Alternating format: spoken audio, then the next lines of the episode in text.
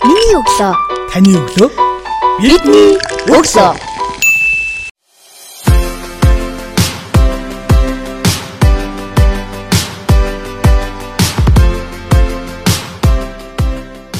Сонсогч танд шинэ 7 өдрийн өглөөний мэндийг хүргэе. Миний өглөө цуврал подкаст Мизорн компани захирал Золо яртай ярилцж байна. Танд шинэ 7 өдрийн өглөөний мэндийг хүргэе.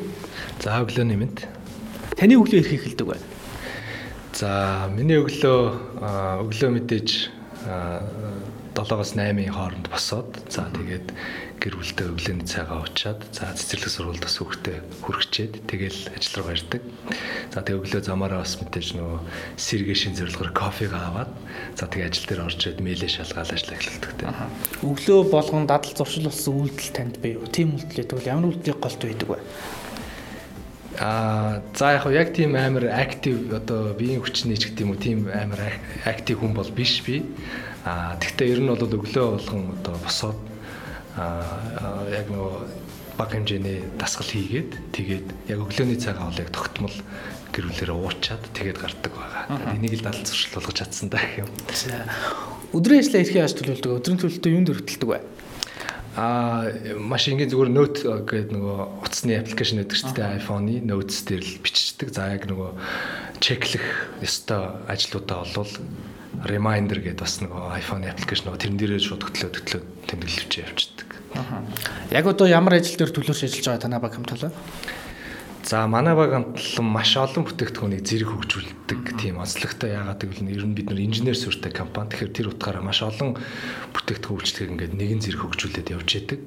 А одоогор бол бид нар яг тэтгэлэг гэдэг аппликейшн боловсролын салбарт нэлээд одоо өөрчлөлт авчих олон хүнд одоо хүртээ эмчтэй боловсролыг хүргэх чиглэлээр ч гэдэг юм уу а яг энэ аппликейшнийг санаачилж хөгжүүлсэн залуутай хамтраад технологи талаас нь бид нар бол дэмжиж туслаад яг тэтгэлэг дээр бол нэлээд төвлөрсөн ажиллаж байна.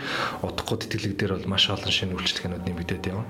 За бид нар мэдээж UBCab гэдэг такси үйлчлэгээ бас хийсэн компани. Тэгээд UBCab а одоо компани маань маш амжилттай өргөж тэлээд явж байгаа. За бид нар технологийн асуудлыг нь бол бас аргаас нь цаг алдахгүй хөгжүүлээд явдаг.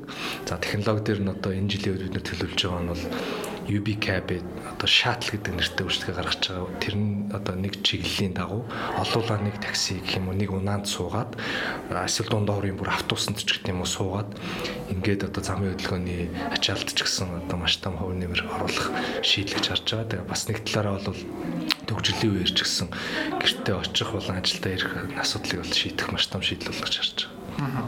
UBCab-ийн хувьд гэх юм бол хэрэгсдийн таашаалт нийцсэн аппликейшнаар тодорсон байсан. Ер нь технологийн компаниудын хувьд гэх юм бол хэрэглэгчдийнхээ ая тухтай байдал цагийг хэмнэх өндөр бүтээмжтэй байлгах тодорхой нэг асуудлын шийдлийг маш тавчаар одоо шийдэхэд чиглэгдсэн үйл ажиллагааг хийдэг болов шивдэ бол хүлээлттэй байдаг. Тэгэхээр танаа энэ хамт олонны UBCab-ыг яг анх яаж санаачилж UBCab ямар асуудал байсан тэр асуудлыг хэрхэн яаж шийдвэрлэх гарлааг яаж болсон энэ түүх бас манай сонсогчдод хуваалцал үлээ сонирхолтой байж магадгүй.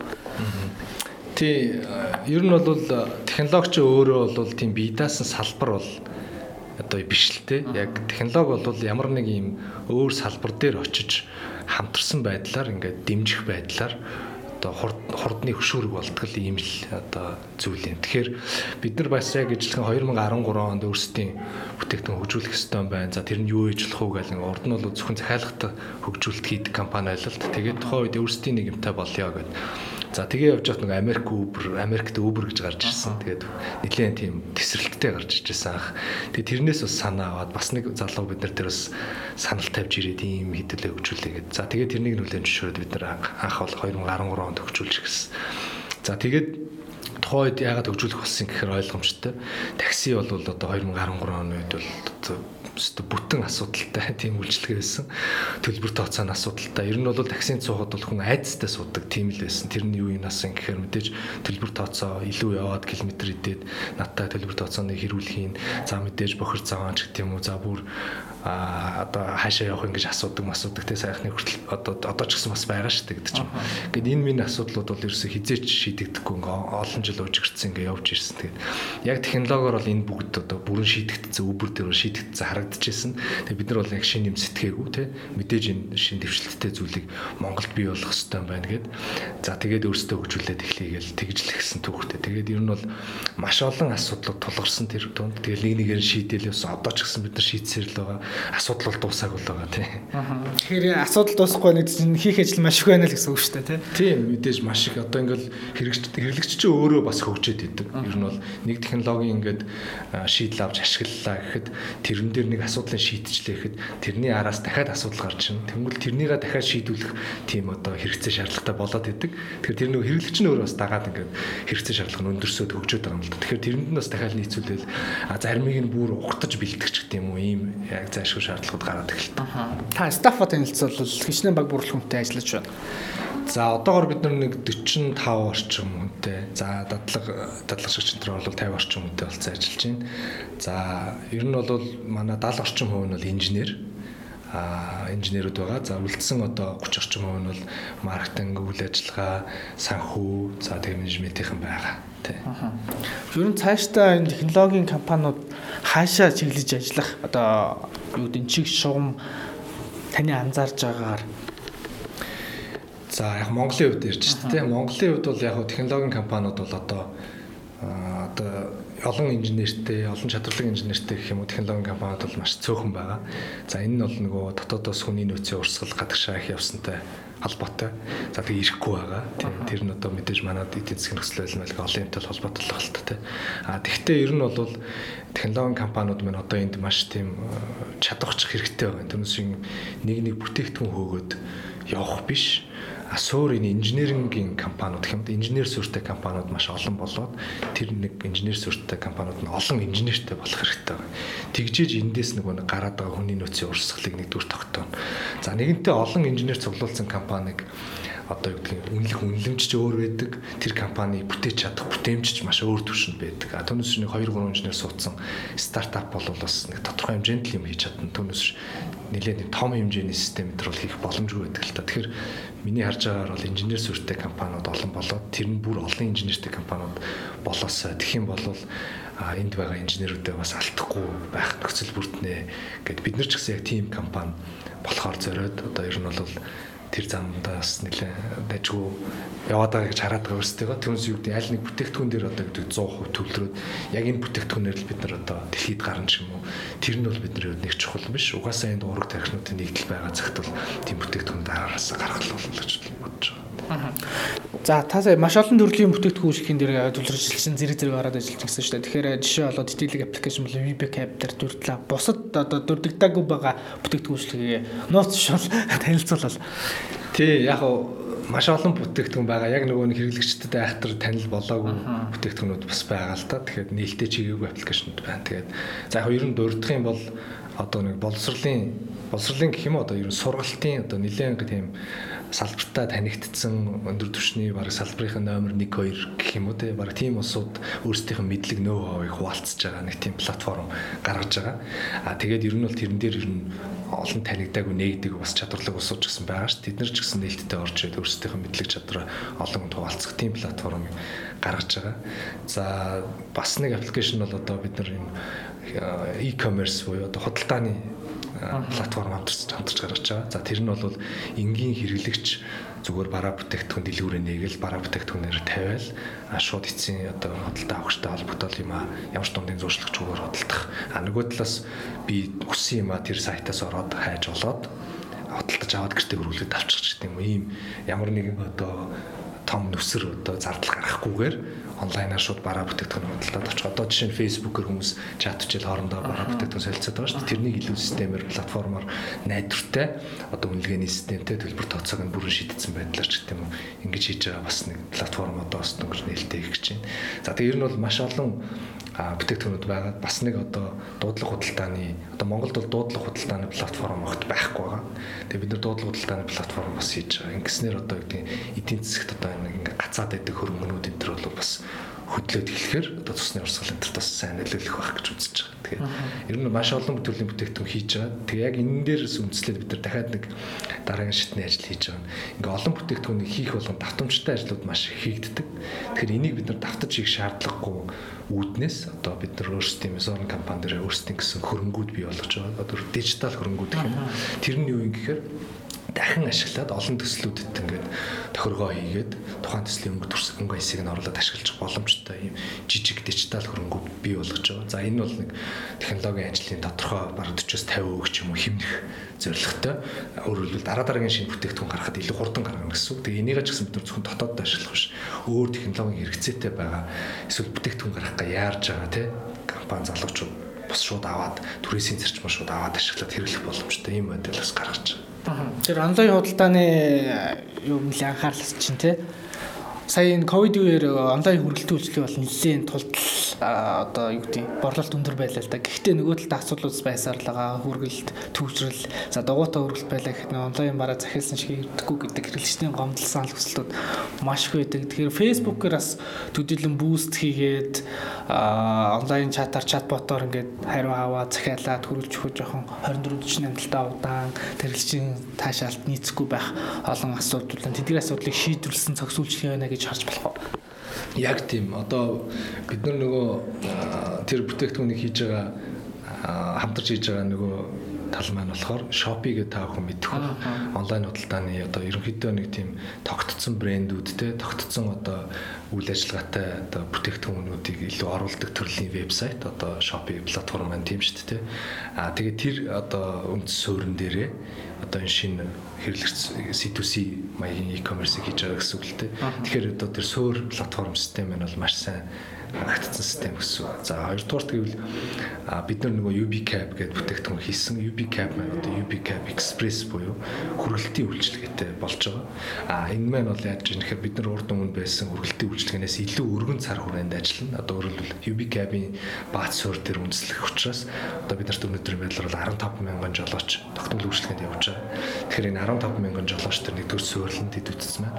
А хоёрдугаарт өдөрт нь хүрэх маш хямдаар хүрэх өдөртөнд хүрэх тийм шийдлийг бид нар гаргаж ирж байгаа. Тэгэхээр одоо нөгөө онлайн худалдааг энэ тэнд онлайн худалдаа янз бүрийн байдлаар явж байгаа ч гэсэн хүргэлтэн дээр асуудал үүсдэг шүү дээ. Энийг бол бид нар бүрэн шийдэх боломжтой гэж харж байгаа. За дээрэс нь мобайл одоо төлбөр тооцоо гэдэг юм уу те. За тэр зээлээр авах.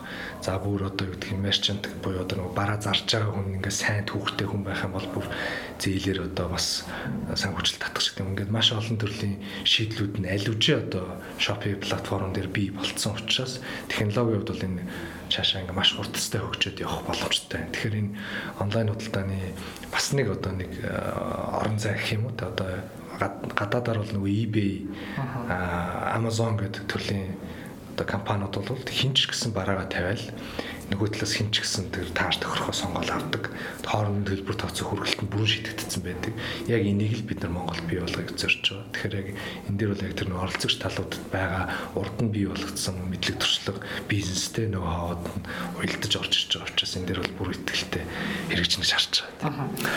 Одоо яг энэ ихтэй сургууль болоод ерөнхий боловсролын сургуулиас сураад төгсөөд мэрэгжил эзэмших гэж байгаа залуучуудын хувьд за ялангуяа миний өглөө подкастыг сонсдог залуучуудын 18-аас 22-ийн яг залуу мэрэгчлэнүүд буюу эсвэл ихтэй сургууль төгсөж байгаа оюутан залуучууд байгаад байна. Тэр эдгээр залуучуудын хувьд таны зүгээс өгөх зөвлөгөө аа тэр дундаа инженер суурьтай инженерийн чиглэлээр сурах гэж байгаа эсвэл сураад төгсөж байгаа залуу мэрэгчлэлд хандаж та юуг зөвлөх вэ?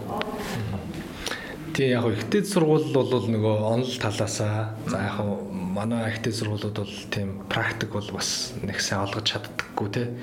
Тэр бол нууц ш. Тэгэхээр яг бэлтгэгдсэн боловсручин бол бас гарч ирдэггүй байх талтай байдаг. Тэгэхээр би нөгөө залуучуудтай ч юм уу төмөртэй хандаж бол одоо хэлэх гээд байгаа нөгөө бүрслийг нэг хэлцүү өгöd шүү дээ нөгөө би 10 мянган төрлөөр өшгөлдөг хүнээс бол айхгүй харин нэг өшгөлтөд 10 мянгууд давтцсан хүнээс бол айна гэд.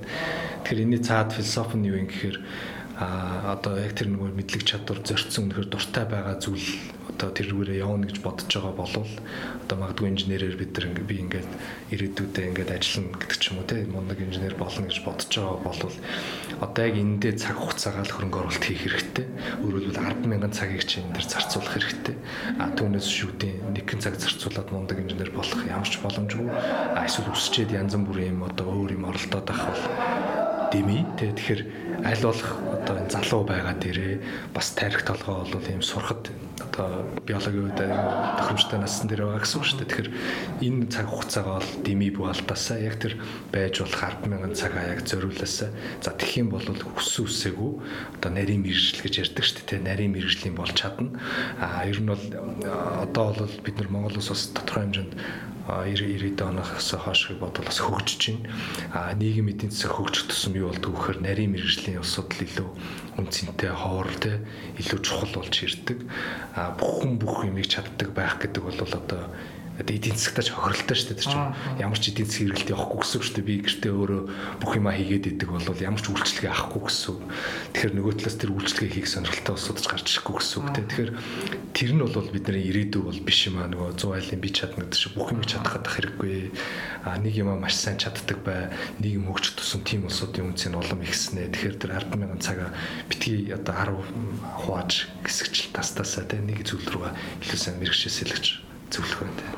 Инженер суртаа, инженер сэтгэлгээтэй гэл э, яриа бол тэрэнд болж орж ирж байна. Тэгэхээр зөв хувь хүн тал байх хэвээр хамгийн чухал уран чадвар гэл ерөнхийдөө орцож орчин болгоноос асуудаг л. Тэгэхээр инженер хүнд байх хэвээр гурван чадвар гэ бүр деталь байдлаар танаас нэгэн тал нарийн мэрэгчлэлтэй хүмүүсийн тухай ярьж байгаа юм чинь те. Тэгэхээр инженерийн мэрэгжлийн таны ажил мэрэгжлийн онцлог давуу тал нь юу вэ? За мөн инженер мэрэгчлэлтэй хүнд байх хэвээр ур чадваруудаас гурвыг нэрлэж чигвэл та ямар гурван ур чадварыг нэрлэх вэ? Яаж энэ гурван ур чадварыг сонгох вэ? Тий яг уу зарим ур чадрууд бол нөгөө нэг ажил дээр ч гэх юм уу те ажлын туршлагаар бол бий болно. А одоо бид нар бол яг дотроо soft skill, hard skill гэдэг ерөнхийдөө англиад байгаа.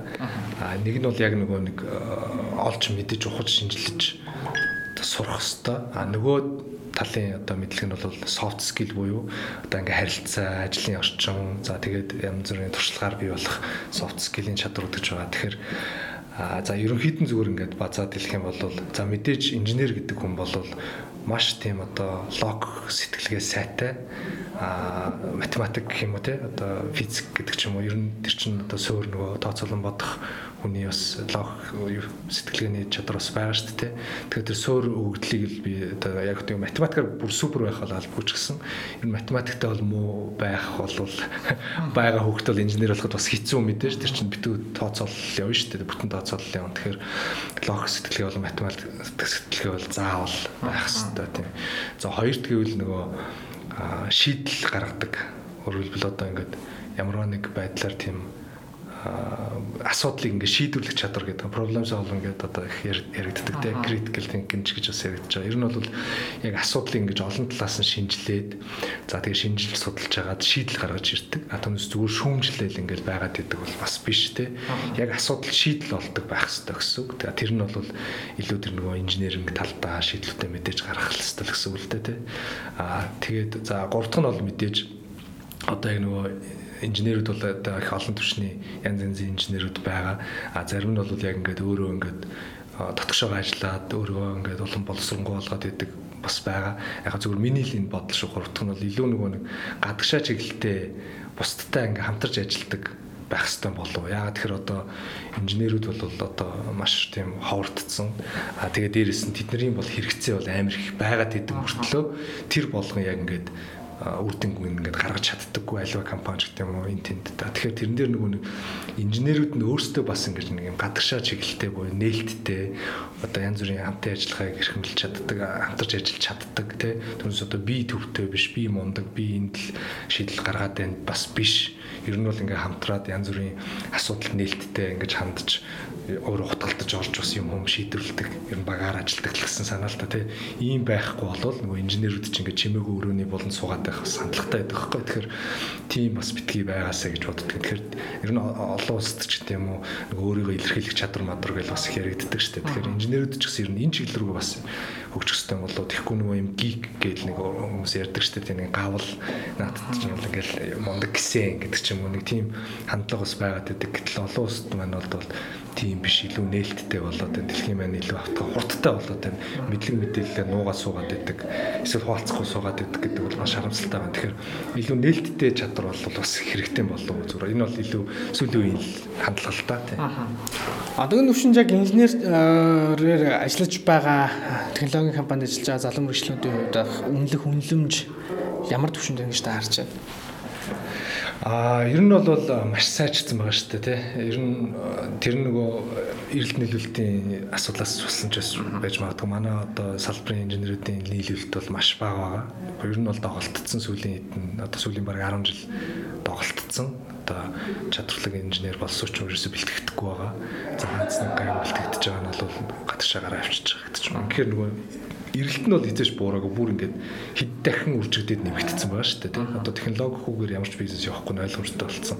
Тэгэхээр эрэлт нь бол бүр аимшигтай их хажууд нь харьцуулахад бол аимшигтай байх а нөгөө талдаа нийлүүлэлт бол ингээд буураад байгаа тийм гэхдээ яг сүүлийн нэг 2 жил бол хүмүүс яг энэ дээр энэ дээр бол юм яриад хэдэн мянган инженер бэлдэн одоо ийм NIT-гээ сургууль байгуулна гэх юм ингээд олон санаачлагууд гарч эхэлчихлээ л да гэхдээ энэ бол нэгэнтээ одоо шортэж буюу одоо дутагдал үүссэн байгаа. Тэгэхээр тэрнээс болоод гэх юм уу зах зээл дээрх инженеруудын эрэлтээс болоод цалин өссөн ч гэсэн нэлээ одоо хөөсөрцөн явж байгаа. Ер нь бол хөөсөрцөн зарим газрууд болж байгаа.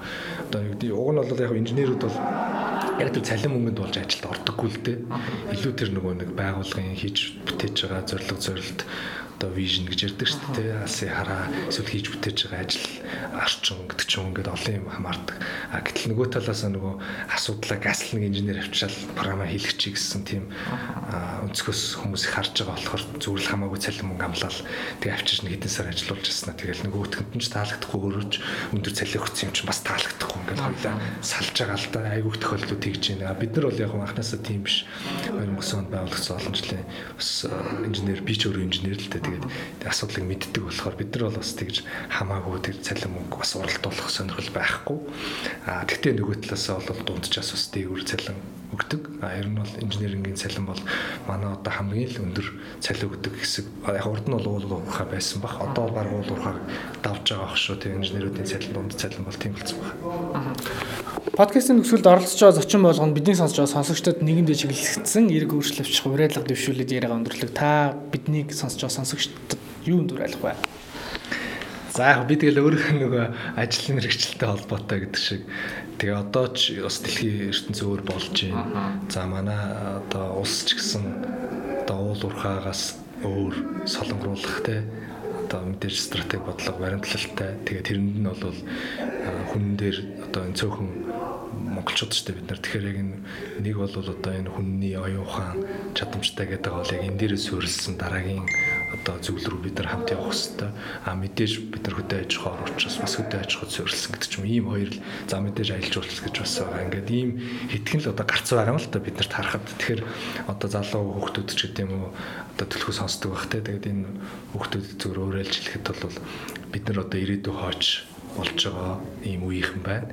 Тэгэхээр одоо мэрэгжил сонголт ч гэдэг юм уу хооштой бид нарыг хийж бүтээх зүйл бол бидний өнөөдөр гарах шийдвэрээс бас хамааралтай. Тэгэхээр одоо бол дэлхий дээр мэдээж хиймэл оюун ухаан, технологи сүртэй гэдэг ч ингээ бүр дараагийн түвшин рүү явж байна.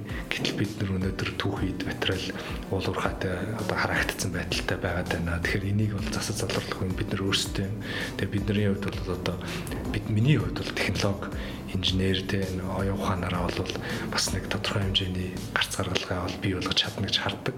А тэр ч утгаараа одоо бол уул уурхаагч давсан цалин хөлс инженерүүд болон технологийн компаниуд бий болгож чаддаг болсон байна.